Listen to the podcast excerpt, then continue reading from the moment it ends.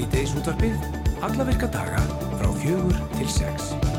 Og það eru Guðrún Dís Emilstóttir og Hrafnildur Haldarstóttir sem að stýra Sýteis útvarfin í dag. Félagið Þjóðarhöll EHF var stopnað í gæra af ríkinu og Reykjavíkuborg. Félagið á að standa byggingu nýra þjóðarhallar í innanhús Íþróttum í Lögadal og samningur ríkisins og borgarnar. Hann var undirrettaður af Katrinu Jakobsdóttur, fósettis á þeirra ásmundi einari daðasinni menta og barnamálar á þeirra, Þórtísi Kolbrunur Eikver Gilvardóttur fjármála og efnaðas á þeirra og Degi Bjækjasinni, borgarstjóra. Og ásmundur einar allar að koma til okkur eftir og segja okkur frá því hvað fælst í þessu og hver séu næstu skref. Ísafja hefur gert breytingar á gjaldheimti og legubílastæðinu við Leifstöð sem tók gildi 8. janúar síðastliðin og stakt gjald fyrir innakstur á stæðið helst óbreytt en árskort standa ekki lengur til bóða. Guðjón Helgarsson er upplýsingafullur úr Ísafja, hann verður á línu hjá okkur eftir. Við ætlum að spyrja núti þetta og aðra breytingar sem gerðar hafa verið á bílastæðismálum á fyrir að ljúka kynningu á tilögum að nýju hverfiskipulagi fyrir hátegskverfi, hlýðakverfi og öskulíðakverfi og þessi kynning hún hófst 16. november á síðasta ári og er áætlað að henni ljúki núna fyrir loki januar svo það hefur verið rólegt í kringum tilögurnar hinga til og í gær fór fram leiðsögnum síningu á tilögunum í þjónustu fyrir Reykjavík borgar í Borgatúni og við ætlum að fá Ævar Harðarsson, deildastjóra hverfiskipulags Reykjavíkur og arkitekt til þess að fara aðeins yfir þessar tilögur að þessu nýja hverfiskipulagi með okkur og segja okkur hvers vegna það er brínt að íbúar þessara hverfa láti sem máli varða. Þeir eru margi sem að spreytt sig hafa á Bubba bæði í tali og tónum og Bubbi hefur haft gríðarlega mikil, mikil áhrif á marga. Eitt þeirra er Bjarni Ómar Haraldsson, tónlistamæður en hann er einn af þeim sem hefur fengið að tilera hópnum alþýðu Bubbi og meðal annars komið fram á síningunum nýji líf sem að hafa verið síndar í borgarleikursunni við fátum að vinsældir. Bjarni ætlar að koma til okkur eftir, hann ætlar að segja okkur frá tengslunum við átrúnaða góðið Bubba Mortens og vil maður frumfýtta lag með Bjarni sem að upphaflega var var flutabuppa en nú í búningi bjarnar. Hópu sem að kalla sig hugmyndasmiði er að gefa út bókina Frábær hugmynd. Henni er ætlað að virka börn í nýsköpun og einni verða frumsýttir sjómastættir á rúf um helgina sem teknir eru í Ellegadalum og teksta uh, höfundu bókarinnar Eva Rún Þorgeistóttir ætlar að koma til okkur að eftir og segja okkur betur frá þessu. Einmitt. En við byrjum á þessu. Hótel Rangá hlaut nýlega viðkenningu sem besta sveita hótel í heiminum. Það er hvorki meirinni minna en það. Og þetta er veitt af hótelkeðinni Small Luxury Hotels of the World. Og við erum komið með hótelstjóran á Hótel Rangá í síman og hann heiti Fridrik Pálsson. Kontur sætla blessaður. Já, komið í blessaður. Til hamingi með þessa viðkynningu, þetta lítur að vera daldi gaman fyrir ykkur öll. Þetta, svona viðkynningar eru náttúrulega alltaf gríðarlega skemmtilegar og fyrst og fremst er það kvartning til að gera betur og um, það eru þetta sem við erum endalust að reyna að gera. Við erum í, ég er svo heppin að hafa gríðarlega góðan hóp starfsmanna sem að leggja sér fram og og við erum fyrst og fremst þekkt fyrir gríðarlega góða þjónustu, mikla uh, upplýsingagjöf til okkar starfsmanna, neð til okkar viðskiptavina frá starfsmannum. Við erum líka í samstarfið við mjög góð öflug fyrirtæki á svæðinu sem hafa hjálpað okkur að, við að gera þetta.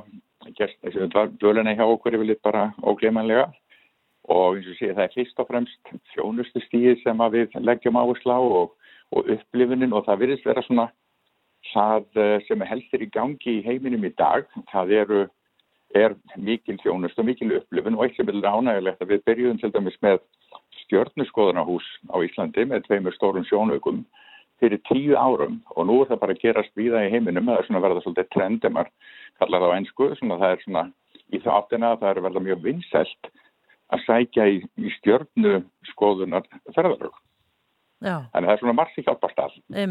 Þetta er hérna þessi samtök SLH, þetta er Small Luxury Hotels, þetta er sérst 500 luxushótel frá 90 löndum þannig að þetta er aldrei svona vel gert. Já, takk fyrir að segja það og það er í fyrsta leið það er mjög erfitt að komast inn í þessi samtök. Þau fá gríðalega margar umsóknu hverju ári og, og aðeins fáið sem komast að og það er líka svolítið gaman að því að þau vinna á dálítið sérstakann hátt. Þau leggja upp úr því að hvert hótel fyrir sig sé algjörlega sjálfrátt um það hvernig þau koma fram, þar er sér hvernig þau hanna sitt hótel og hvaða þjónustuður veita og svo framvegis og framvegis. En þeir senda til þinn hulduheimsóknir einu sem til tviðsára ári þar sem eru skoðuð allt upp í 400 atriði og meta þannig hvort þú hefur leiði til þess að halda áfram og þú verður að skora bísna hátt til þess að fá að vera næsta ár og svo framvegist. Þannig að við erum stanslust á tánum og það er í rauninni eh, mjög gaman. Já, það lítur að vera svolítið stressandi eða vona á heimsókn í að tvísvara á ári og, og þú veist ekki neitt hvort þú sést að standast allar kröfur. það er alveg harrið og hérna einstaklega erum að veltaði fyrir okkur hvort það getur verið þess að hinn og svo bara gefist við algjörlega upp á því en þetta bara verður til þess að bara, við leifum okkar aldrei að slaka á við bara passum upp á það hver einasti viðskiptavinnur hvort sem hann er að kaupa sig sér herbyggi, ódýrt herbyggi eða dýra svítur að hann fær bara þá fjónustu sem við getum bóðið á hverjum tíma og allir okkar starfsmenn eru meðvitaður um það og ég er náttúrulega sem óskup einfalda aðferð í þessu eða hugmynd, ég segi alltaf fólkið mitt, ef ykkur finnst gaman að vinna hérna síniði við skiptavinnuðinu það vegna þess að þið fáið að fá markvall tilbaka. Og það bara sínir sig. Já, ég hef nú einu sinni komið þarna til ykkar Freirik og Gist þarna hjá okkur og þú ert svona daldi bara duglegur að tala við fólk og, og hérna þjóna þarna í aðal matsalnum, ertu þarna nánast á hverjum degi þegar þú getur? Ekki segið síðan á hverjum degi en þetta er í rauninni Hótelreksturinn er rauninni svona hobbyið mitt núna. Ég uh, er ekki að gera nætt annað, ég spil ekki golf, ég veið ekki visk og, og svo framvegs og þannig að ég hef óskaplega gaman af fólki og ég þannig að nýt þess að vera innan um gestina mína og innan um gott starfsfólk og uh, samstarfsfólk hérna allt í kring.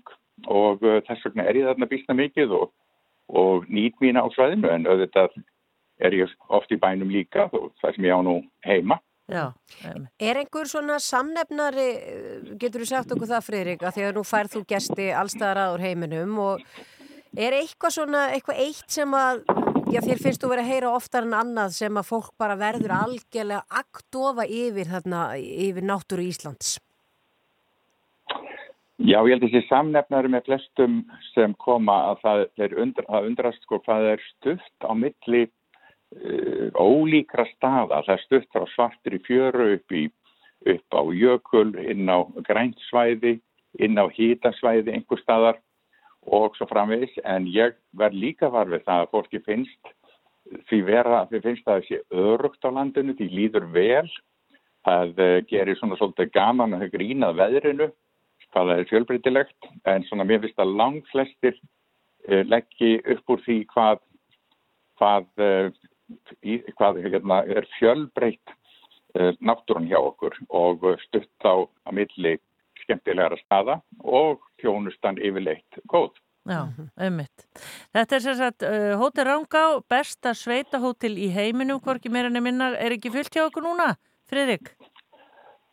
Það er uh, nokkur neginn fullt hjá og það var tróðfullt yfir áramótin, janúar er aðeins slakari, svo er fullt hjá okkur áttur í februar og mars. Það er menn sækja gríðarlega mikið á veitunar í kringum, uh, kringum hérna Norðurljósin og vita svona okkur tengt hvernig þau eru hvað best og uh, ég veit ekki sko alls ekki hvert að það séður en svo. Nei.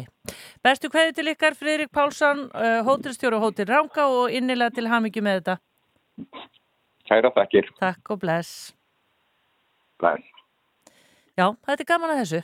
Þetta, þetta er eins og ég segi, þetta er, hérna, vel, hérna, þetta er vel gert. Já, Small Luxury Hotels of the World, Já. þetta hljómar óslega grant. Frá 90 löndum. Já.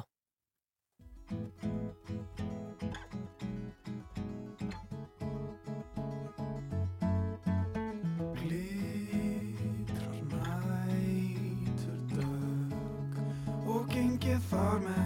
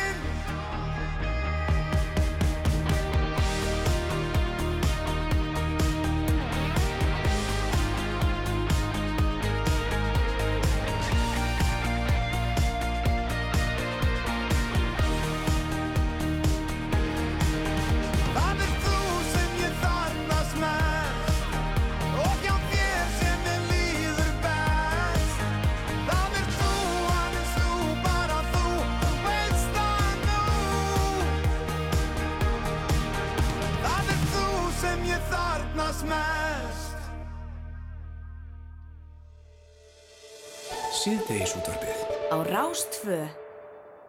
Við höldum áfram í síteis útarpinu og félagið Þjóðarhöll EHF var stopnað í gær af ríkinu og Reykjavíkuborg og félagið á að standa byggingu nýra þjóðarhallar í einan og síðortum í lögadal og samningur ríkisins og borgarna var undir í döður af Katrínu Jakostóttur Fossettisáþurra, Ásmund Einar í dagasinni menta og barnamálaráþurra, Þórtísi Kolbunur Reykjur Gilvardóttur fjármála og efnahásáþurra og DIB Eggesinni borgastjóra. Og ásmundur Einar, hann er hingað komin til okkar. Já, til þess að segja okkur frá því hvað fælst í þessu og hver séu næstu skref, verður velkomin. Takk fyrir. Uh, Megum við segja já, til hamingju við þig og bara við okkur öll að þetta sé komin nánast á tekniborðið. Já, þetta er, uh, við höfum aldrei verið eins og nálætti, skulum við segja. Og hérna, uh, þetta er búið að vera, uh, uh, þetta er búið að vera langtferli og hérna... Uh, Eh, og það sem við vorum í raunin að klára í gær er eh, stopnun félagsum þjóðarhöll en, en það er ekki eingöngu það vegna þess að við erum líka búin að klára samkómulaga á milli ríkis og borgar eh, um hvernig kostnæðaskiptingin og mannverkinu á að vera sem að hefur verið þrætu öfli í, í talsveit langan tíma og, og eiginlega bara þannig að menn töldu að það væri bara eiginlega hægt að ná saman um það hvernig hvað ríki þetta borga og hvað borgin þetta borga og búin að vinna greiningar á því hvernig tímafjöldin á að skiptast í þessari nýju þjóðarhöll og líka búið að taka ákvörðinu það að við ætlum að hefja uh, eða sitja á stað svo kallað samkeppnisútbóð, uh, uh, fara í forval fyrir samkeppnisútbóð sem að fer á stað núna í framhaldinu. Að, og til þess að gera það, það var ákveð að það þurft að stopna þetta félag sem er stopnað þessum hlutvöldum millir ríkis og borgar og ætlum síðan í framhaldinu að fara og, og, og nýja félagi mun síðan auglís eftir aðilum sem að koma að þessu samkeppnisútbóði sem að felur það í sér að að menn kalla til teimi sem eru arkitektar, verkfræðingar og verktakar og geta tekið þátt í því bæða hannamannvirkið og gera tilbóð í það. Já. Þannig að við erum já að komast í rauninni á teikniborðið eða því sem næst og, og þetta er svona stór hindrun sem við ruttum úr vegið þarna þannig að það er ánægilegt næstu mánuður verða svona mánuður reyfinga í þessu máli sko. Og þetta er 55 ríkið og borgin 45. Það er búið að finna það út að þetta er réttlátt. Já, það er alltaf þannig að þegar við erum að semja þá, hérna, uh, þá uh, eru alls konar uh, greiningar sem þarna búa baki og, og, og það sem við lögum á stað með inn í það samtal var að við ætlum að taka miða stoppkostnaðinum, er þið tekið miða þörfum hvers og eins. Uh, það er að segja, borgin ætlar að nýta þetta mannverki fyrir skólana í laugardalunum, fyrir íþróttafélagin í laugardalunum, uh, ríkið ætlar að nýta þetta fyrir landsliðin og, og fyrir þetta þarf uh, misjafnar þarfir, ríkið þarf til dæmis talsvöld fleiri sæti heldur en skólanir í, í laugardalunum Það þarf aðstöðu fyrir sérstakka búningsklefa, livjaherbyggi, fjölmiðlaherbyggi og fleira og það er svona sátt hluti ríkisins. Þess vegna borgar ríkið aðeins meir í stoppkostnaðinum. En síðan erum við líka búin að teikna upp rekstra, grófur ekstra skiptinguna fyrstu tvö árin uh, sem byggir þá tímanótkun sem hvora aðeil ætlar að nýta í þessu nýja mannverki og hún er eiginlítið öðru, öðruvísi heldur en, uh, heldur en stoppkostnaðurinn en já, við erum búin að eida ótrúleiri vinnu eða við, það var framkvæmdan en sérstök skipuð af hálfu ríkis og borgar sem var leitt af Gunnar Einarsinni sem var bæjastur í Garðabæ. Uh, hann, hann, hann leitti þá vinnu og, og, og menn telja þetta sér réttlátt og, og ég er mjög ánæðið með það að, að, að það voru allir aðeins saman komnir í gerð til þess að stopna þetta félag saman þannig að það er svona verið að skrifundu hjúskaparheitin þar skulum við segja mm -hmm. En ég menna, en svona gróflega hvað mun þetta kosta? Cirka, hver er rammin sem þið er að sjá fyrir? Það er gert ráð fyrir því að svona samkvæmt áallunum að þetta mannverki geti kostað um 15 miljardar uh, í heldina, uh, enda engin smá smíði, þetta eru 19.000 fermetrar gert ráð fyrir uh, samkvæmt því sem að lagt er upp með að þarna geti verið um 8 til 9.000 uh, áhörvendur í sæti og getur tekið um 12.000 áhörvendur uh, á tónleikum eða, eða öðru slíku. Þannig að það eru 15 miljardar sem að uh, áætlunin gerir áfyrir að þetta geti, þetta geti kosta og skiptist þá í þessum hlutvöllum á milli ríkis og borgar 45-55. Já, þannig með við það sem einar örtsað okkur sko meðal handbóltahöll í Þískalandi, hún er þetta svona 5 til 12.000 þá er þetta bara svona í þeim klassa eitthvað svolítið. Já, enda erum við, erum við ekki svona eins og meðal þorp í Þýskalandi? jú, jú, við byrjum okkur allavega ekki saman við höllin í gær eða er sem við fyllum þessa 50.000 manna höll. Já, þannig að, já. Þannig að þetta er, já, og, og nýtist auðvitað líka gríðarlega mikilvægt fyrir æfingar í landsliða og yngri landsliða vegna þess að við höfum séð það að það hefur verið erfitt fyrir landslið okkar að fá æfingartíma fyrir og við erum að gera ráð fyrir því í öllum tímaplönum að Eh, Íþrótarhefingin er að fá þarna tíma í þessari höll til æfinga, ekki engungu til landsleika og það skiptir gríðarlega miklu máli líka. Mm. Mm. En ef allt gengur upp, ásmundir einar, hvernig getur við fyrir að drippla bólta þarna? Bara ef við segjum að allt bara færi vel. Ég mun náttúrulega líklega sent drippla bólta þarna en, eh, en, en sko ég er eiginlega hugsa þetta svolítið þannig að mitt verkefni er alltaf að íta hverju hindrunur vegjur en að þrýsta eins fast á málið og við getum Eh, við erum að horfa upp á það að ef ekki koma neinin hnökrar í verkefnið, ég menna það þarf ekki annað en einhverja kærur vegna útbóða eða eitthvað slíkt sko, að þá getur við verið að klára þetta verkefni uh, svona í, í snemma árs 2027 og, og það er svona það sem við erum að vinna með núna. Ef allar tímalínur ganga upp uh, að þá á það að vera hægt. En, en eins og ég segi, það er hindrannar eru til þess að riðja þeim úr vegi og það er það sem við gerum og það var stór stíin í gær og, og, og, og ég þykist nú vita að það er verða einhverjar á leiðin áfram og við hjálpumst bara að við að hrinda því úr vegi vegna þess að það er nú það sem að, eh, við þurfum að gera við ætlum að fá eitt stykki þjóðarhöll. Já, þetta er engar ánægilegt. Uh, aðeins varandi bara staðsetninguna því að Rafnildur var að tala um þetta í gerð og vorum eitthvað að velta fyrir okkur, þetta væri hérna fyrir ofan. Ofan höllina, uh, fyrir neðan Suðlandsbrutina, en sem sagt vestanmegin er það ekki. Eh, Bara, Jú, sem sagt nær í raunin glæsibæ. Já, já, já. já. Og þá einmitt ætti þarna að vera góð aðstæða fyrir almenningssamgöngur og annað þannig að fólk getur Já, sótt hugsunin er svo að, að, að borgarlína eða almenningssamgöngunar að þú getur rauninni lappa beint inn í mannverki þar þannig að það setja nýta það og svo komið bílastæðin þarna hinum einn í rauninni áfram, áframhaldandi af þeim stæðin sem eru við síningarhöllina þar. Já, Þannig að, það er allir að fara að græða en þessu ég hef hins vegar hort á þetta verkefni svolítið þannig að allir þessi smáatriði Já. alltaf bara íta verkefninu áfram sko, vegna þess að við höfum öll svo mikla skoðun á staðsetningum, sætafjölda og ég er alltaf að hugsa, heyrðu, hvernig kemur þessu bara næsta skref sko. Já, en við að- kannski seint driplum bolta þarna en við mögulega fyrir á tónleika Já. Já. og eða á leik. eða á Já, leik. já, jú, jú. Já. Herðu, Ásmund Reynar Daðarsson, takk kærlega fyrir að koma og uh, fara yfir þetta með okkur og ég segi bara til lukku með að vera komin þú allavega hingað. Takk fyrir, sömulegis.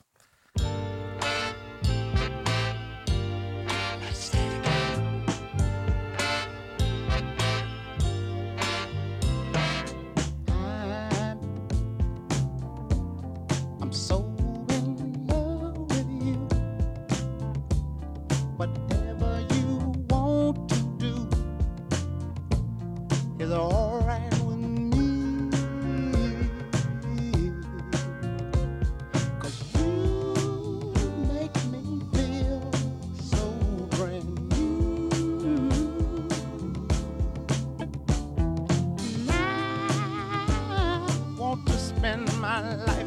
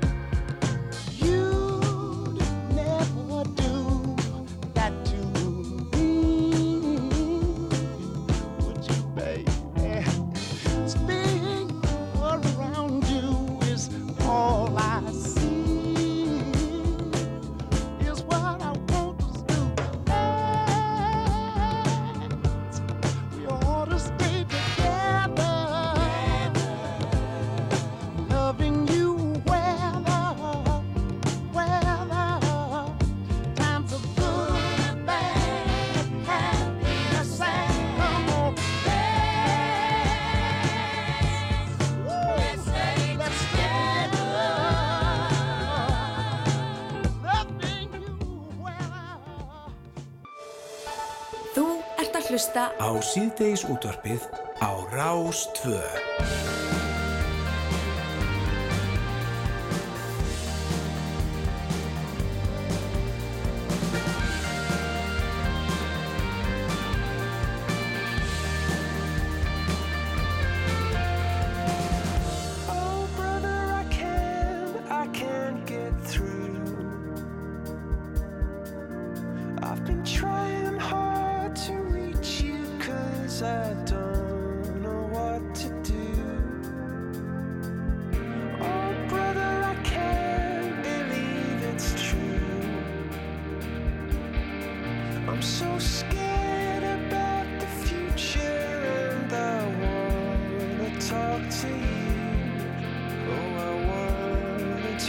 You.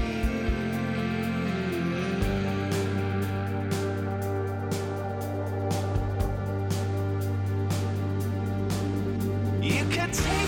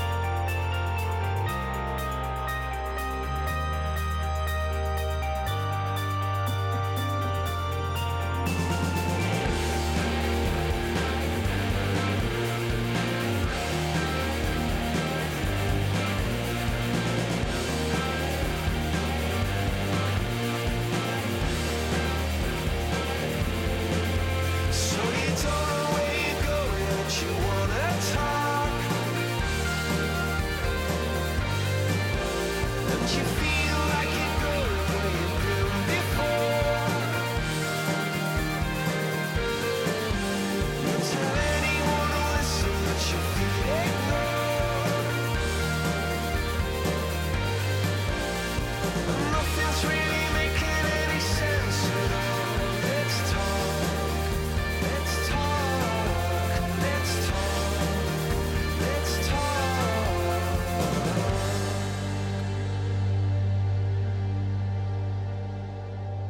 Þetta er ljónstein Coldplay og lag sem heitir Talk og það er nú það sem við erum að gera hér, við erum að tala út í eitt. við tölum og tölum hrafnildur. Já, Uh, Senn fyrir að ljúka kynningu á tillögum að nýju hverfiskipulagi fyrir Hátegs hverfi, Hlíðakverfi og Öskulíðakverfi og þessi kynning hófst 16. november á síðasta ári og er áætlaðinni ljúki núna fyrir loki janúar og það hefur verið rólegt í kringu tillögurnar hinga til og í gær það fór fram leiðsögnum síningu og tillögum í þjónustöfuri Reykjavíkuborgar í Borgatúni og uh, hinga til okkar er komin Ævar Harðarsson, deildarstjóri hverfiskipulags Reykjavíkur og arkitekt til þess að fara aðeins yfir þessar tillögur með okkur. Kontu sæll og blessaður. Komið sæl. Já, við ákvaðum að, að- að fá þig hingað, Ævar, til þess að svona segja okkur aðeins frá þessum tillögum og við veltum líka fyrir okkur, já, hvort að fólk sé ekki að sína þessu nógu mikinn áhuga því það hefur verið svona rólegt í kringum þetta. Er þetta ekki eitthvað sem fólk á að hafa skoðuna? Mér finnst það og, og þess vegna erum við að, með þessa kynningu, við, við byrjum þessa kynningu 16. november og samkvæmt svona skipulaslögum þá hefum við að vera með kynningu í sex vikur en svo koma, koma jólinn þarna inn í þetta á áramótin þannig að við, við vorum með þetta í átta vikur og nú erum við aftur að framlengja þessu að, því, að það var svo rólegt yfir þessu. Það, það búa cirka 6.000 íbúar í hlýðunum, það eru 2.100 íbúðir eða fastegnir og, og, og, og e, það, þegar ég skrifaði þannig greinin á vísi í gær þá voru konar sjö umsagnir og það er lítið. Mm. Þannig að við erum að hvetja fólk til að hafa þessu. Þetta, þetta eru miklir hagsmunir fyrir til dæmis fastegna eigandur. Þeir, þeir hérna, það er verið að, að, að heimila þarna til dæmis í norðumýri að lifta þögum og setja kvisti og svo erum við með rauðarholtunu það sem eru svona gamlar verkamanna, eh, verkamanna íbúðir eh, sem hafa, eru til dæmis alveg án, án svala, þar voru það var náttúrulega svalir voru hérna þegar þetta var byggt í kringum 1940 þá var það bara luxus nú er þetta bara svona verðum við að hafa þetta? Þetta er, þetta er, þetta er örgisadriði og líka það enda adriði þannig við erum að leggja til þessa, þessa hluti og ymsar svona, ymsar svona hérna E, brey, möguleika breytingum og fjölgun íbúða. Þetta er náttúrulega verið að reyna að þróa hverfin og, og til dæmis í hluta af hlýðunum er ekki tilnætt gildandi deiliskypulag þannig að þetta hverfiskipulag e, e, verður deiliskypulag fyrir þessa grónu byggð og svo er verið að reyna að passa upp á byggðina, það sé ekki verið að skemma verðmæti og það er verið að leggja til til dæmis hverfisvend á vissa staði og Við viljum fyrst og mest vekja aðtegli sko húsegandana á þessu að til dæmis hverju skendvend getur e, sett á þá alls konar hvaðir. Hverju svend er, er tæki sem kemur í rauninu úr skiplagslögum. Þetta er, þetta er tæki sveitafélags þess að setja svona Og hvað, hvað þýðir það? Það þýðir í rauninni það að það verða svona, verða strángara, strángari hérna, heimildir til breytinga e, og þetta er aðeins á öðruvísi heldur um vendun samkvæmt menningar minja lögum þá, það, eða, eða, eða það sem hvernig friðun þá getur fólk sótt í sjóði til þess að, til þess að lagfæra og breyta.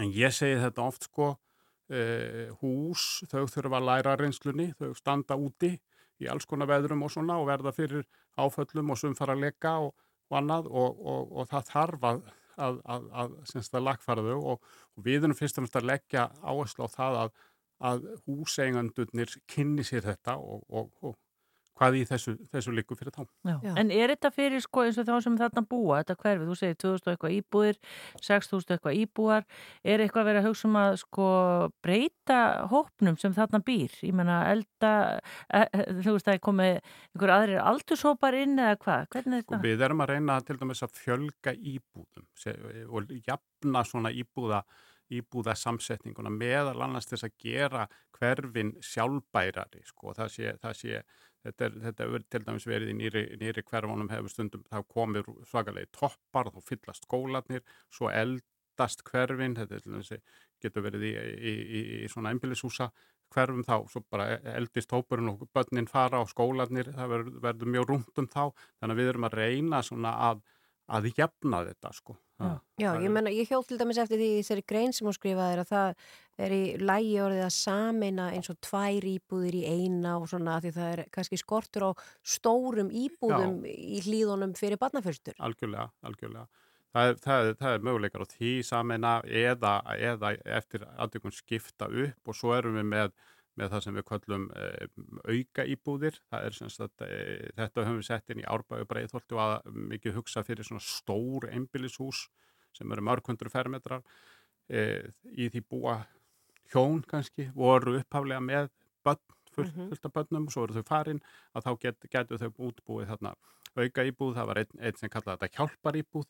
Það var svona að þá getur þessi eldri flutt inn í það og, og yngra fólki komið inn í þetta stærra E, e, eða öfut og þannig þetta samerum að, að, að, að, að kynna þarna í hlýðunum en þar eru líka verið að segja að það megi innréttja svona í bílskúrum sem er ekki verið að nota en það þarf alltaf að fara eftir, eftir sko byggingareglugerð e, og leiðbenningu sem við gef, gefum út þannig að þetta séu verði löglegar íbúðir og góðar íbúðir. Já, þannig að það er ekki þá, en, en eins og varandi þetta með bílskúrana, verður ekki að fá samþykki allra í húsinu? Eða... Já, sko, þegar að, ef, ef, ef sem sagt, þetta fyrir ef, gegn. ef þetta fer í gegn þá þú, þú þarft alltaf, alla breytingar þarft þú að í rauninni á lóðinni og ef það eru bara eða húsfélag þá voru húsfélag eða samþykja sko. Já. Já. En, En já. ég fyrir ekki, er þetta ekki bara allt svona rosalega jákvætt? Allavega það flesta sem ég sá þarna er svolítið missa að það verður lögð áhersla á það að styrkju venda klambratún sem að er eitt mikilvægast að opna svæðið í borginni. Eru allir bara svona glimrandi ánæði með í þessar breytingar að það er engin að senda inn umsögn? Já, já það, það getur vel verið. Mér, mér finnst þetta allt saman mjög jákvægt en við viljum semst að vekja aðtekla á þessu þannig að, að, að bíbúðarnir og, og fasteignanegandir geti þá kynnt sér þetta og, og en, en það er oft hann að við fáum uh, hérna uh, neikvæð umsagnirnar þannig að þeir sem eru jákvæðir þeir láti ekki sér heyra sko. Nei. þannig að það, það, það, það má líka koma sko. En bara svo ég skilji þetta sko að fyrir þá sem að svona, tengjast þessu hverfi, Já. hvað get ég ef ég til dæmis bara á hús þarna og þú ert bara að sína mig hvað hérna er búið sagt, að sé hugsanlegt að við bætum við einni hæðið eitthvað, Hva, hvað get ég sagt? Get ég bara sagt að mér finnst þetta ljótt eða ég vil ekki hafa þetta fram eða hvernig getur virkjað mitt? Eh, sko við Svona- erum náttúrulega búin að fara í gegnum mikið samráð og, og mikið, mikið sem sagt rætt við íbúa og kallað eftir alls konar skoðunu þeirra og alveg nýður í sk krakka í skólum þannig við, við eigum mikið Þannig að svo vinna er búin. hún er búin, nú Já. erum við bara á, loka sprettinu með endarlega tillögur og þá, þá er þetta þannig að þú getur sem og eh, farið inn á skipulaskátt sem skipulaskátt.is og, og, og skrifa þína að þú að sendi í gegnum rafræn skilriki og, og hérna, komið henn á framfæri og þú, þú getur sagt það sem þér, býr í brjósti sko. Já. það, það er bara þannig sko. Ha.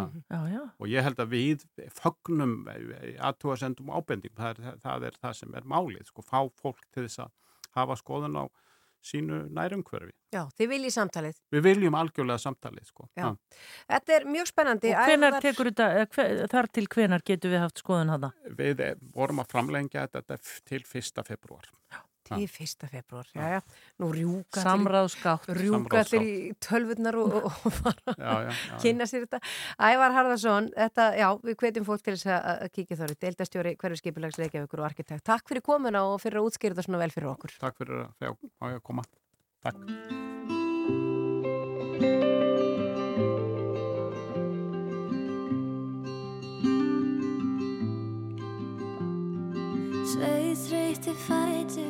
so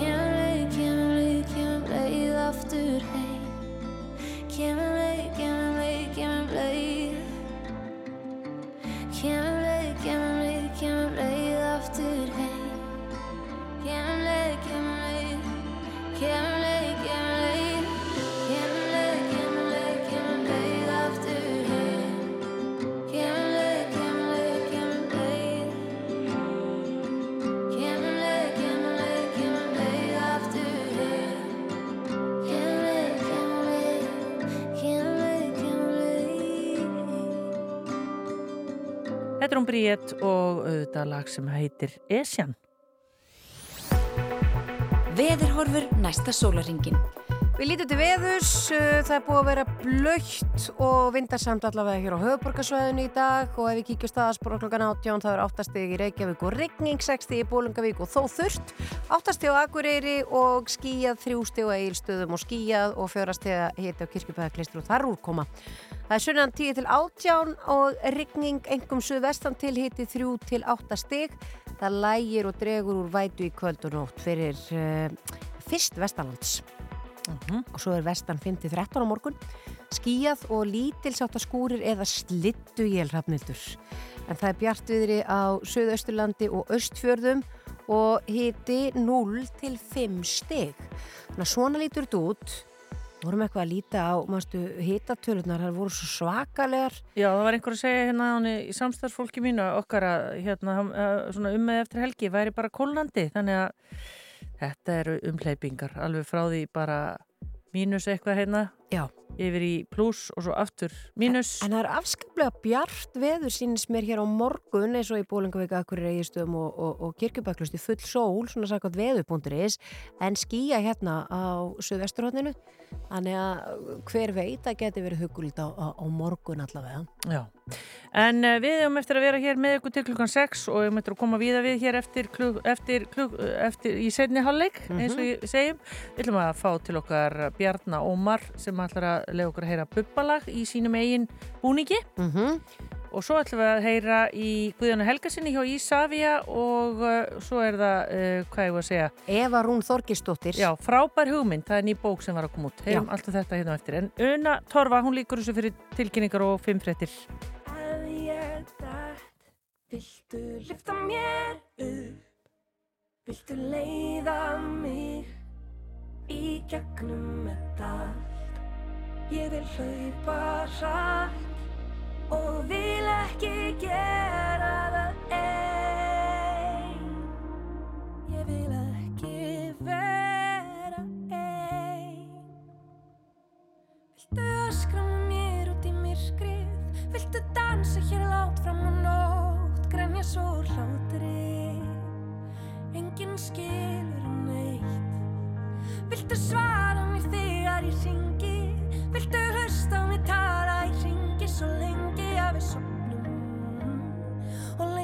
ekki neitt. Því ég þarf ekki svör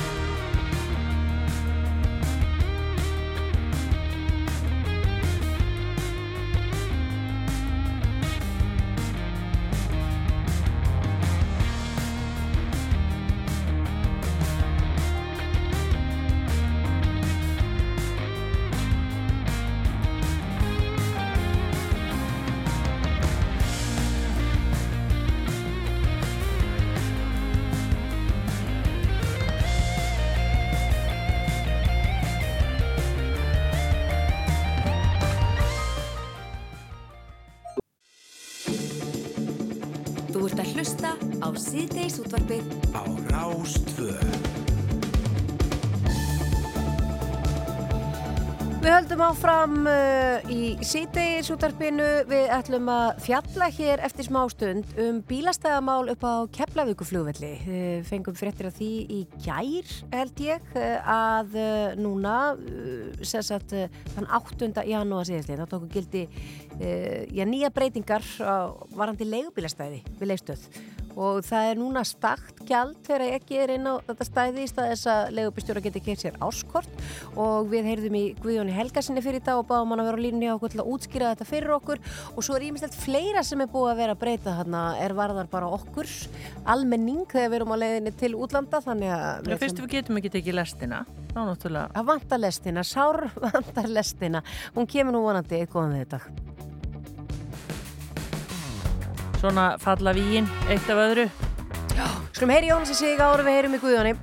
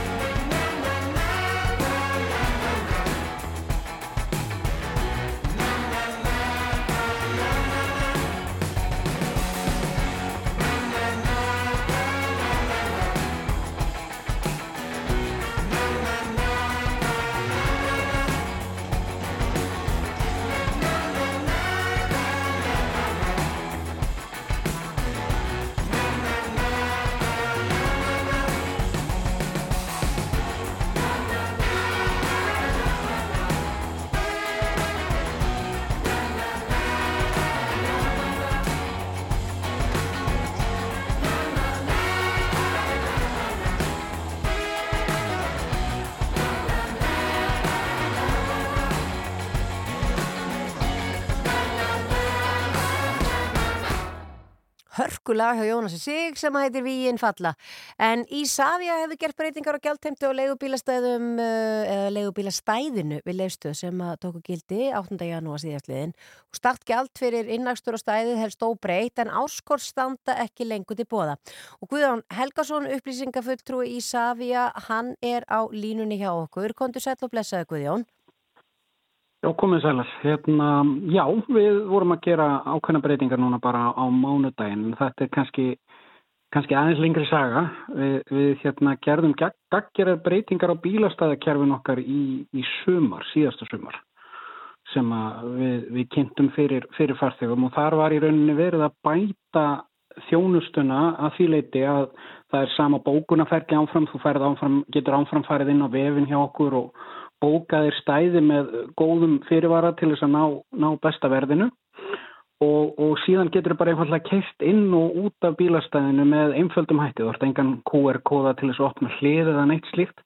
Þetta er myndavélakerfi sem, sem að les uh, hérna, bílnúmerinn og hérna og það er hægt að borga sagt, með, með öppum þar að segja að það var autopay sem hafði hafði vinningin í, í útbóði og, og, og uh, setti upp kerfið það er að greiða einni uh, þjónustunum með öðrum, öðrum uh, hérna, greiðslu uppum og, og þú hefur 48 klukkustundir frá útkerslu til þess að greiða þjónustuna. Þannig að er, það er búið breyta tölverð þessari þjónustu varðandi bílastæðin og það sem er að gerast þannig er að að, að að yfirfærast þetta sama kerfi. Það er búið setja upp Eh, myndavela lesara, það er ekki lengur eh, sagt, eh, svona, þessar bómur eins og voru.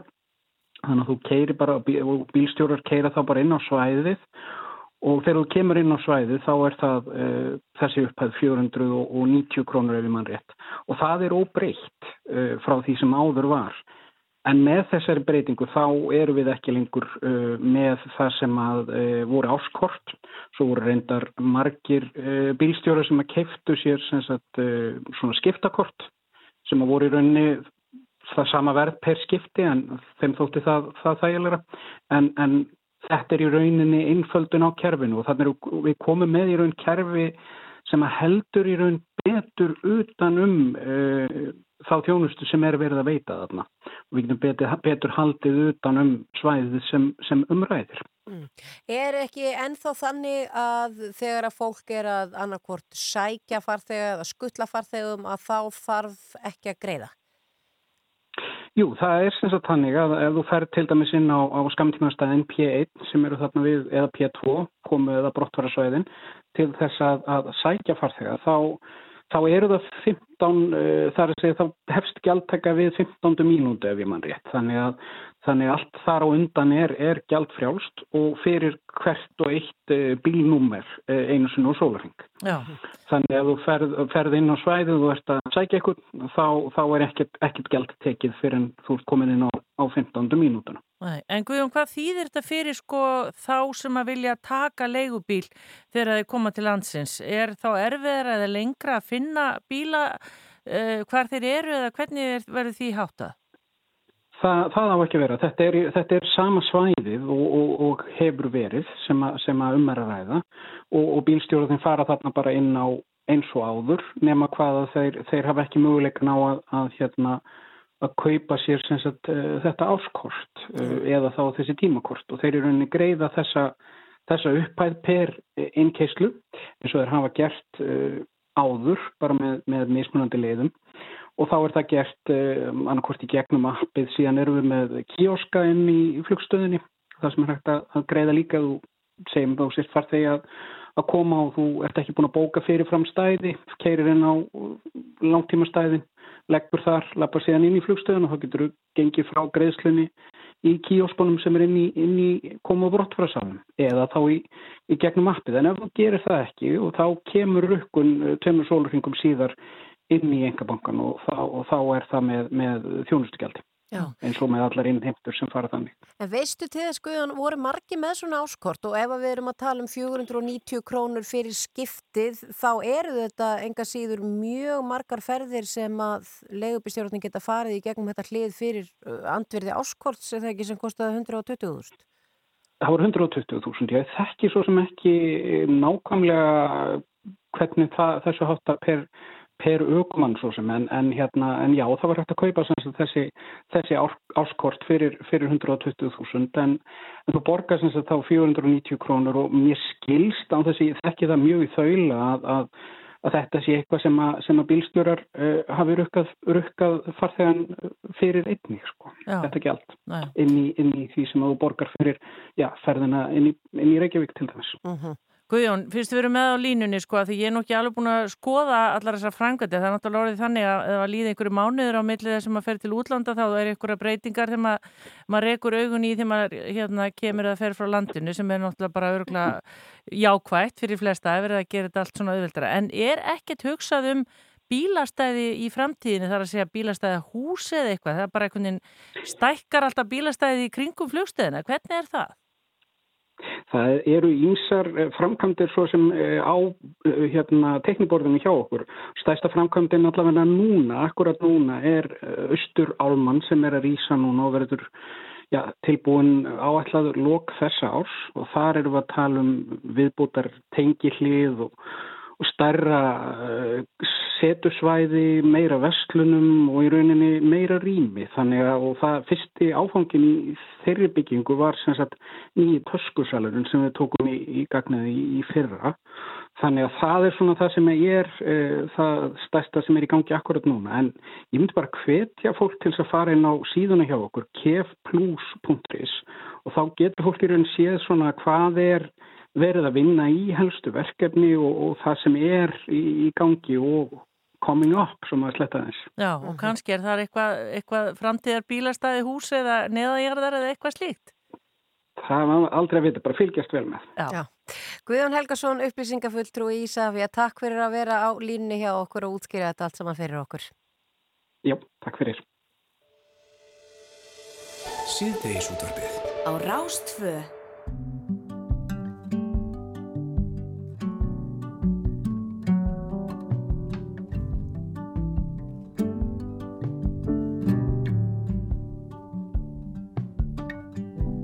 wish my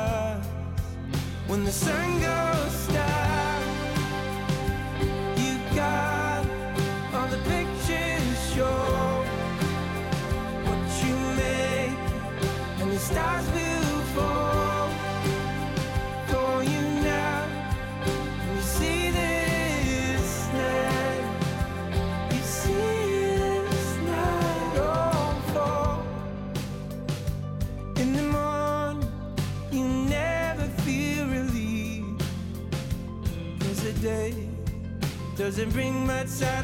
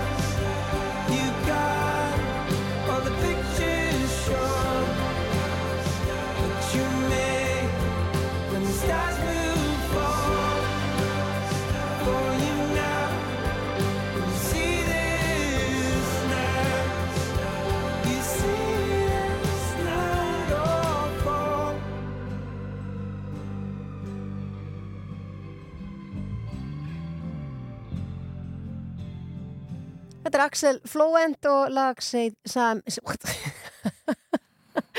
Rafnildur lag sem heitir When the Sun Goes Down. Einmitt. Þetta var bara mjög erfið fæðing hjá mér. Já, en mannst þú hvað síningarnar á nýju líf eru orðna margar? Já, ég sá bara Bubba vera að setja það á fjörsbókinu sinna rétt á þann. Byttu, 200, uh, byttu, byttu, byttu. 20 og eitthvað held ég. Nei, ég held að sjóðum fleiri. Það er, sko, það er síðasta sýningin að því svo er bara komið frí, segir hann hérna, fram til í mæ. Já, það er síðasta sýningin á morgun. Þessi sýning, eh, semst í gerkvöldi, var sýning nummer 231 og við förum í frí á föstu daginn og næst koma þau í mæ.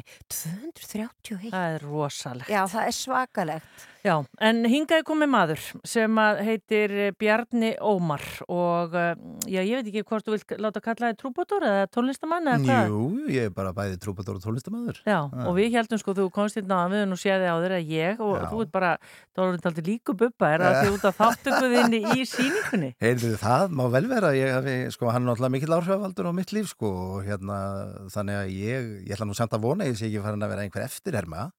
það er ekki, það er ekki viljandi sem ég gerir það, en, en hérna, við erum bara svona líkir kannski. Já, En, en þú ert semst búin að vera einn af þessum alþýðu bubbum sem að hafa komið fram á síningunni. Já, við vorum nokkur valinn úr, úr hópi árið, já, ég held að verið oktober 2019, sko, þá vorum við að starta þessu og ég skellti mér í áhverjna próf og komst í gegn og, og hérna, við höfum svo verið að rokka frá 7 til 10 í, í síningunni, erum 10 núna, skiptum þessu hlutverkjum mill okkar og, og hérna, það hefur verið bara alveg ótrúlega skemmtilega reynsla og ég hugsa maður sem búin að taka einhverjar 40-50 síningar, ég veit það ekki, en, bara mjög áhugavert verkefni og yndislega gaman að vinna með öllu þessu frábæra fólki í þessu frábæra leikhúsi og að kynnast þessu þessum einhvern veginn leik, leikhúsbransa á bakvið tjöldin, þetta er ábáslega skemmtilegt. Já. En ég meina, þetta eru 231 síning og þú þarna sem alþýðu bubbi, Mm. svona er þetta áferða munur á ykkur bubba, en þú ert samt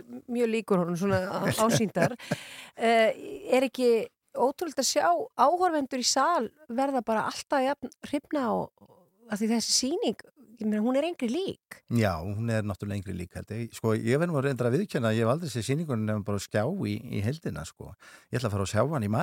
Það er frábært að fá þessar aukasýningar. Já. en þetta er, er rétt, þetta er, þetta er, þetta er mjög mikil upplifun og hún gerist báðu megin. Líka okkar megin sem erum á sviðinu af því að það er ofbóðslega sterk áhrif úr salnum og, og, og svona gefandi orka sem kemur og það er náttúrulega í kringum bara verkefni og lögin og allt þetta, hvernig þetta er sett upp og handrið til náttúrulega alveg frábært og þetta er bara náð held ég bara okkur öllum einhvern veginn, bæði þjóðinni og, og, og, okkur sem erum þarna á sviðinu. Já. Og það er, það, það, það er nú samt skemmtilegt að segja, sko, menn okkar til að grípa þess að þetta sem hún nefndir með að vera líkir hann í byrjun, sko, að ég verð nú, ver nú að viðkjanna pílu til Púka hátt í mér, sko, 1. apríl 2022 held ég að vera með síningu og við þekkjum alltaf 1. apríl, aprílgabið. Þá nefnilega gerði ég það að leik að, að, að plata atriði mitt aðeins, þannig ég kom pílu til fyrrin á sviðið, sett upp sólglerugun, fór í kvítu skóna og svona, ég mann nú ekki hvort ég verið rifnum galaböksum aðeins, en ég lappaði sko aðeins fyrir og sviður áður en koma kynningunni minni og ég fekk, ég plataði salin, fekk hann til að rísa úr sætum að því að það er kynnt, það er að koma hérna alvöru trúbadór Já. og það bara var rísi úr sætum fyrir herra Bjarnahómari Haraldsinni þannig ég náði að blekja salin, en það var bara út 1. apríl, Já. annars hefði aldrei lift mér þetta Nei, geggjað. En segðu okkur aðeins af skona kynnum þínum af Bubba. Já, við, við Bubbi rákust nú saman uh, fyrst svona af alvöru, tókum tal saman þegar ég var, þegar ég var 13 ára, þá, þá var ég svona að byrja guttla á gítarinn og svona koma með einhverja hljóma og svona og svo var þarna, var Bubbi kom nú árlega til Rauvarhafnar þess að ég átti heima og hann, hann spilaði á tónleikum á hverju sumri og ég hafði bara fylgst með honum alveg, hann náttúrulega átti þarna tengingu líka, þá voru þarna tveir utangarsmenn frá Rauvarhafn, Magnús Trimbill og, og, Rúnar Bassalekarið, þeir svona áhrifvalda líka, maður hefði fylgst með þessum mönnum þó maður verið ungur.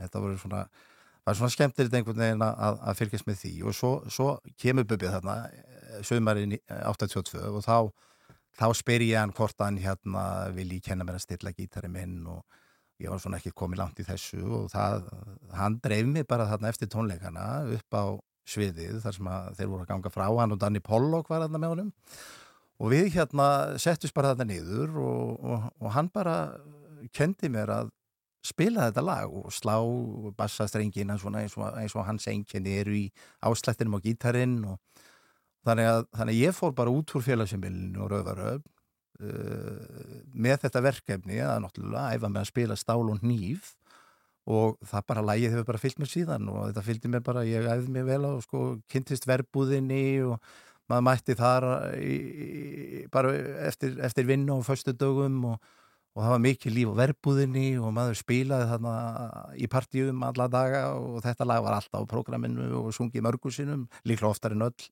öll önnur. Já. þannig að, þannig að hérna, þetta var bara skóli einhvern veginn og, og, og, og það var ekki verri kennar en Bubbi sem að, að let vaði að kenna stráknum þetta Þetta manstu náttúrulega bara, þú er náttúrulega verið með stjörnir í augunum, Bjarni, en ég menna þekkjur hann, þú veist, ef þið hittist á lögaveginum, eru þið þá að spjalla auðvitað eftir síningarnar, þá eru þið náttúrulega Já, væntilega... við höfum alveg tekið svona tal saman en Bubbi náttúrulega með mörg verkefni Já. og, og hérna miklu fleiri en ég og, og stærri, stærra umfang þannig að nei, ég myndur nú ekki segja, við erum ekki við erum ekki svona þannig kunnugir en, en, en ég held að við vitum alveg á hver öðrum sko. Já, já. og höfum alveg tekið tal saman, já, já og það er bara eins og gerist og gengur maður hittir á fólk þannig að það sé í spjallfæri eða ekki og það, þá bara er það þannig en, en það fer vel með okkur þegar, þegar við tökum tal saman. Já, og þú ert trúbótor, þú ert að koma fram og spila, með, Já, ertu með hljómsveit já, eða... já, já, já, ég er í nokkrum hljómsveitum og, og hérna hef, hef verið það í gegnum tíðina bæði var í, var í balbransanum hérna í gamla daga eins og svo margir og, og svo er ég að spila í tveimur hljómsveitum hérna í, í bænum núna og, og hérna önnur hljómsveitin til dæmis koma því að taka þetta lag upp með mér og, og hérna það er, það er bara hljómsveit sem ég sótti um hjá og bara fór í áhverdapröfu hjá og fekk ráningu sem söngvari og kassikindaleikari og Og hvað heitir svo hljómsveit? Hún heitir, við köllum okkur góð, góð í hófi. Það eru semst, uh, við erum sex hljóðfærleikarnir og svo eru tvær söngkonur með okkur og við höfum verið svona að spila alls konar efni, svo Eagles og eitthvað svona kóvera. Svo er ég annar hljóðum sem heitir Nostal, það er, það er band sem er í, í svona svipum verkefnum. Já. En, en það er aldursmörun, ég er lang yngstur í þessari góði hófi og, og hérna af, af, af hljóðfærleikunum og bara frábært að spila með þessum þessum reyndu mönnum sem eru búin að vera lengi í, í, í spilamennsku Já. allt öðruvís einhvern veginn heldur en yngri mennindir í Nostal sem að, sem að þetta er önnur tækni Já. þetta eru menn svona sem að spila bara með, með, með, með ótrúlega svona eh, þessum, svona kannski þessum 50-60 stíl, ég veit það ekki djúpir, mjög djúphugsandi og, og, og bara frábæra einsla fyrir mig að fá að spila með svona fjölbreyttum tónlistamönnum Já, það var sannlegt. Já. Herðu, við ætlum að frumflytja lag, Bjarni Já. Ómar Haraldsson. Þetta lag kemur á streymisveitur bara núna, er það ekki á miðnætti? Já, miðnætti í kvöld Já. Jú. Og þetta er auðvitað eins og hún nefndir, lagi sem búin að fylgja þér alla tíð, sem heitir Stál og hnífur. Já. Og hvað hérna, og þú gerir það að þínu, þú, ert, þú tekur Mhm. það fram, þú ert ekki að reyna að stæla bubba eða neitt slíkt. Nei, nei, nei, nei ég, sko, eins og í síningunni þá held ég mig alveg við orginal útsetninguna. Ég ákvað það bara þegar ég fór í gegnum þetta að ég nefnilega held að fólk það vill fá þetta lag svolítið svoleiðis. Og í þessari útgáfu sem að ég er að gera, þessari ábreyðu þá held ég mig líka alveg við það. Þetta er bara laglínan og þetta er textinn að sjálfsögðu, en við setjum okkar stíl á þetta og þetta er svona, ég kýsa að kalla þetta svona þjóðlaga blues útgáfu. Og enda er stál og nýfu náttúrulega ekkert annað heldur en þjóðlag, ég meina það er ekki hægt að kalla það neitt annað, þetta er þjóðlag. Kannski ekki í þeirri meiningu sem við köllum svona e, annað en svona vera, þetta er svona ég veit ekki, ég voru að segja Ísland er land þitt Ættjarðarlag, þetta er svona, ættjarðarlag, og nýfur er að vera ættjarðarlag, já Já, Akkur kannski. kunna allir það, allir aldurshópar þú veist, í leikhúsinu þá syngja allir með Já, Það er það er rétt. allir. Það kunna þetta allir. Það kunnir það allir, Þannig að þetta kemur á streymisveitur Já, á minnati og maður leita bara Bjarni Ómar. Maður leita bara Bjarni Ómar og Já. stál og nýf Já, og heldur að Bubbi sé búin að heyra þetta eða er hann að heyra þetta í fyrsta sinn núna? Hann fær að heyra þetta í fyrsta skipti núna Já, já, Öruglega leggur verun Hann er að hlusta. Já, er Já. nýkomin úr rektinni. Já. Bjarni Ómar Haraldsson, takk fyrir komuna. Frumflýtningur hér á Rástöð, streymisveitum klukkan 12 á minnati, stál og nýfafur og til hamingi með þetta. Takk fyrir það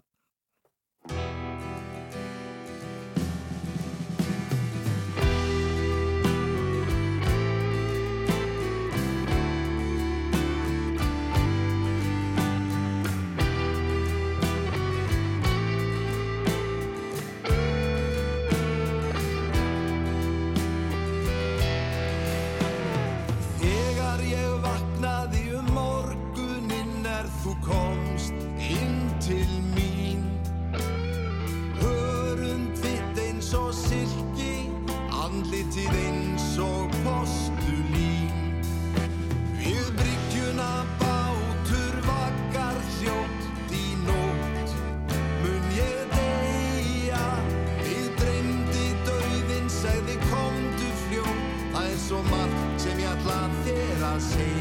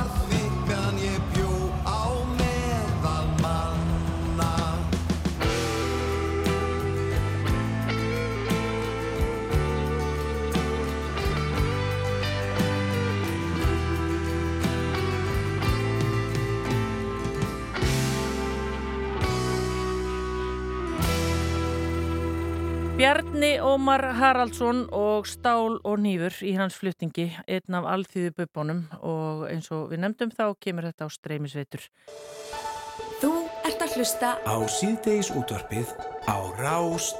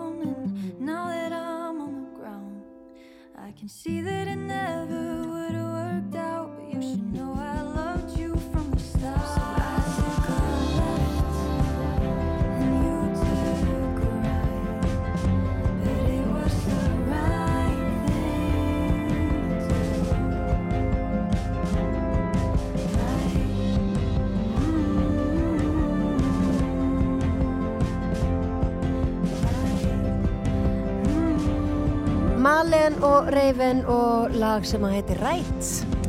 Einmitt núna, núna á laugadaginn þá verður fjölskyldustund og útgáfuhóf í ellegastöðinni og það er nú að vera að byggja upp þarna niður í ellegadalunum frábæra svona aðstöðu fyrir bara alls konar og uh, þarna er komið kaffihús og þarna eru alls konar hópar búin að vera þarna með alls konar viðbyrði, leiksýningar og fleira. En sérst á laugadaginn þá uh, verður gefin út bók sem heitir Frábær hugmynd.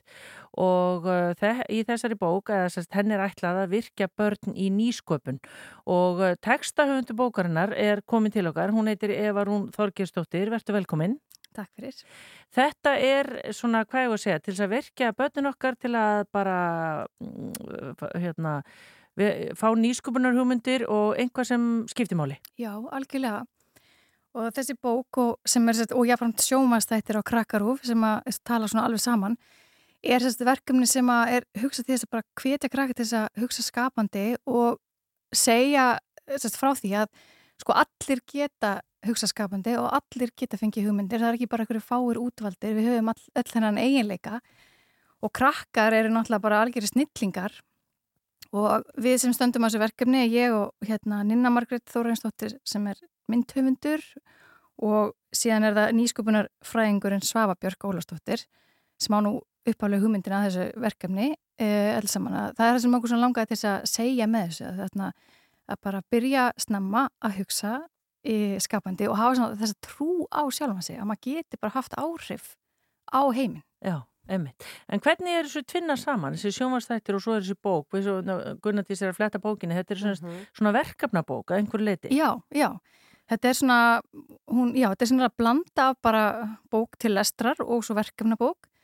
Þannig að hugsa, þetta er hugsa þannig að, að, að barni sem á bókina geti sérst, verið að lesa og svona leikið sem með þar um, e, það, að fá hugmyndir og, og skrifa og teikna í bókina þannig að þetta er svona, maður geti átt þessa bók sjálfur sko, eða sjálf og svo er þess að sjómanstættir sem við unnið með krakkarúf uh, þeir eru svona, þeir diffka svona efni bókarnas og þeir svona sína enn betur svona hvernig uh, frumkvælar vinna hugmyndina sínar og svona hvernig maður kemur hugmyndinni svona framfæri að kannski ekki endilega sem krakkar hefur að kynna sér en það er svona ákveð svona nokkuð góð ráð ef maður vil koma hugmyndinni svona framfæri, framfæri, framfæri segi.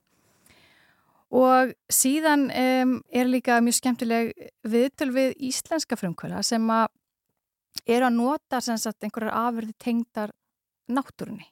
Og það er svolítið svona fókusin í bæði þáttunum og bókinni að horfa til lausna sem skipta máli fyrir framtíðina. Því að við þurfum öfluga hugmyndasmiði sem er svona okkar orð yfir frumkvöla þurfum öfluga hugmyndasmiði til þess að finna fullta lausnum fyrir framtíðina. Og eða ekki bara framtíðina, heldur líka nútíðina. Mm. Já, en þeir eins og, eins og hérna til dæmis er ég að fletta einni síðu í þessari bók. Hvaða vandamál viltu leysa, er spurt hérna. Fylgstu með því sem þú sérð og heyrir og upplifir í lífiðinu eru kannski einhver vandamáli kringu því sem þeir langar til að leysa? Mm. og, og það er verið að hvetja þau til þess að kíkja á er of mikið rusli umhverfinu er of mikið að mathend er mikið háaði kringu því og svo skrifaðu hugmyndirna þeina niður. Já. og svo einmitt líka teikna þær ef að þú kannski ekki færum að skrifa akkurat, akkurat. og þetta náttúrulega færðu bara til þess að taka eftir umhverfinu sínu strax Já. og mögulega átta sig á því það er kannski eitthvað sem er að sem að ég gæti reynd að breyta það, fundi hugmyndir til Já, að breyta. algjörlega, þetta er svona sko við þarf ekki endilega að finna upp nýja tegund af einhverju faratæki eða einhver, einhver, einhver svona einhverju stórkostlega nýjung. Það er, bara, það er bara gaman að byrja að horfa í kringum sig, til dæmis inn á heimilinu og krakkar geta bara uh, svona að hugsa út í það hvað mætti betur fara til dæmis bara í þeirra nánasta umhverju, í skólanum eða skólastofinni eða, eða inn á heimilinu. Já, og það er ekki svona tilvíðin að þetta er einhvern veginn haldið þarna vegna þess að þættirnir eru teknir upp í ellátalum, eða við elláðstöðuna. Já, við elláðstöðuna. Þetta er náttúrulega alveg frábær staður uh, sem er svo, hérna, þetta er svona fræðslu setur orðið elláðstöðu og, og svo hvetjandi fyrir krakka að koma þarna og vera þarna bæði æðisleg þessi hús sem eru þarna e, e, og, og líka útisvæðið sem er þarna í kring og við tókum upp þættina það var alveg fullkomin staði til að taka upp þættina og, og hérna og það var bara að lábeinast við að halda útgáfufögnin á sama stað og er að sérst á kaffihúsinu sem er staðsett þarna inn í við ætlaði á stöð. Já, Já. og þetta er semst núna á lögadaginn og það er klukkan tvö og ég menna, vantala, kostar ekkit inn eða hvað? Eh, kostar ekkit inn, opin viðbyrður, bara allir að koma og, og hérna, og það ætlaði á stöð verði með svona hönnunar áskorun fyrir fjölskyldur utan dýra, það er gott að koma klættir eftir veðri og uh, bæði að koma inn og fá, hérna, fá sér smá kaffi eða, eða safa og að drekka og, eða vera úti og að leika og kíkja bókina Við verum með hérna, sínum sjónvastættina líka þarna, að látum allan að fyrsta þáttin rúla þarna til þess að sína hvernig þetta e, lítur allt saman út. Og bara skemmtileg fjölskyldi stund. Já, en hugulegt, við hvetjum sem flesta til þess að tjekka á þessu. Og þessari bók líka, frábær hugmynd. Já, og já, þetta er klukkan tvö á lögadaginn í ellegar, við ellegar stöðuna. Eva Rún Þorgirstóttir, eh, textahöfundur þessara bókar, þannig eru líka Ninna Margrit Þórensdóttir myndhöfundur og svo nýsköpunafræðingurinn Svafa Björk, Björk Ólafstóttir. Takk fyrir komuna hingað, Eva Rún. Já, takk fyrir.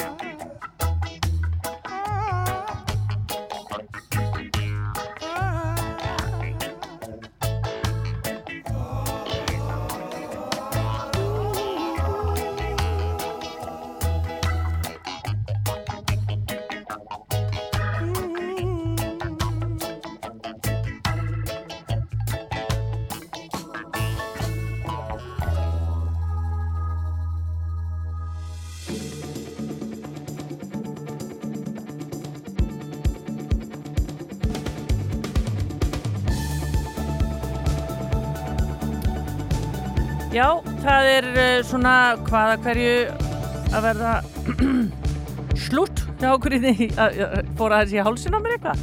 Þegar það gerist, Gunnar, þá þú að taka við. Ég veit að þetta er svo svipa á hann þegar ég kom ekki út með setningu en það, það, það gerist bara í beinni útsetningu. Það gerir það. Já, en slút finnst mér svo skemmtilegt. Já, það er það. Já, er, ég fekk símdar frá Danmarku þar sem að sagt drottningin er slút. Já, einmitt. Hún er hægt. Já. Rétt að geta þess að það er semst á uh, sunnudaginn Já. og það verður á streymi hjá okkur á rúf og þetta þessu verður allir loki þegar við keppum svo í handbólta klukkan 5. Þetta verður veistla á sunnudaginn. Meðast allt við handbóltan sko. Já, núna. Já. Nú fer alltaf meðast við handbóltan og þetta verður þannig á morgun hjá okkur í síðdeisutubinu. Þetta verður mjög stuttur þáttur. Ég veit ekki hvort hann er 45 mínútur eða hvort hann nái 50 mínútum. En að miklu leiti verður hann að sjálfsögðu uppbytun fyrir handbóltan og svo munum við síðan lýsa handbóltareikum. Ekki ég og þú. Nei. Það væri nú samt alveg stórbrot þegar eru Já, við sóttum um það. Hann ver. Ég myndi að hugsa, það held ég að sé erfitt. Það er rosalega erfitt held ég að lýsa í útvarpið. Þú þarft alveg sérstaka náðar gái í það af því að þú mátt ekki gleyma þér að horfa bara Nei. af því að það veit enginn að var verið að senda þessa sending út í hotnin ef hún segir frá því.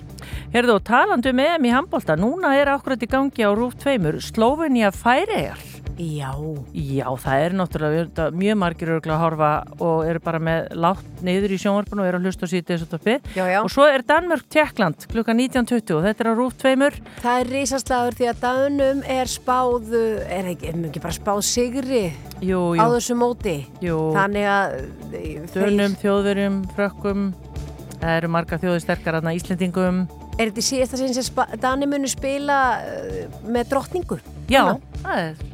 Nema þeir síðan spila á Nei, laugardaginn. þeir, nei, svo eru þeir á lögadaginn líka. Já, já. Já, ég, er- er og ég sé búin að kynna mér alla leikina henni, Já, veit já. ekkert um. Við erum alveg, við erum nærrið því. Já, en uh, við erum búin að koma svo víða við að við það er allt og langt mál að fara að telja það allt upp uh, við verum eins og áðursæði aftur með ykkur á morgun, það er semst handbóltaleikur sem hefst uh, um 5 á morgun og þangað til ætlum við bara að hita upp hér í sittiðisúttarfnu en við ætlum að enda þetta á róliheitum hér I Remember Everything og takk fyrir að hlusta í dag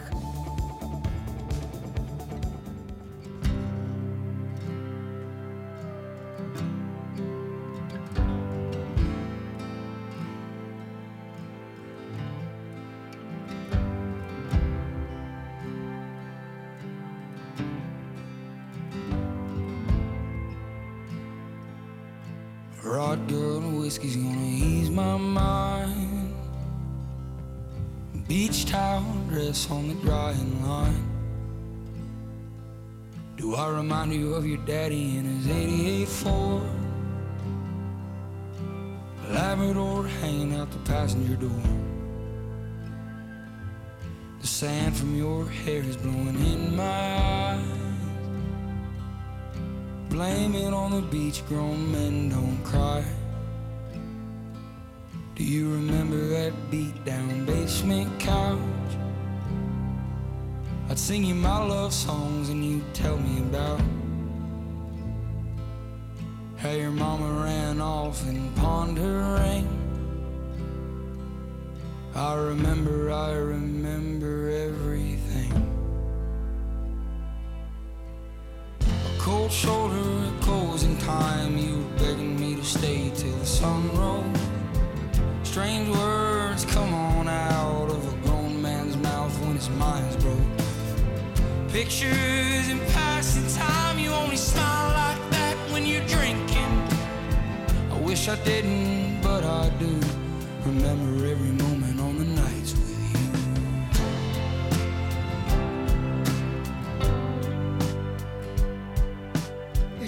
Everything to ease your mind. But when the hell are you gonna ease mine? You're like concrete feet in the summer heat. It burns like hell when two souls meet.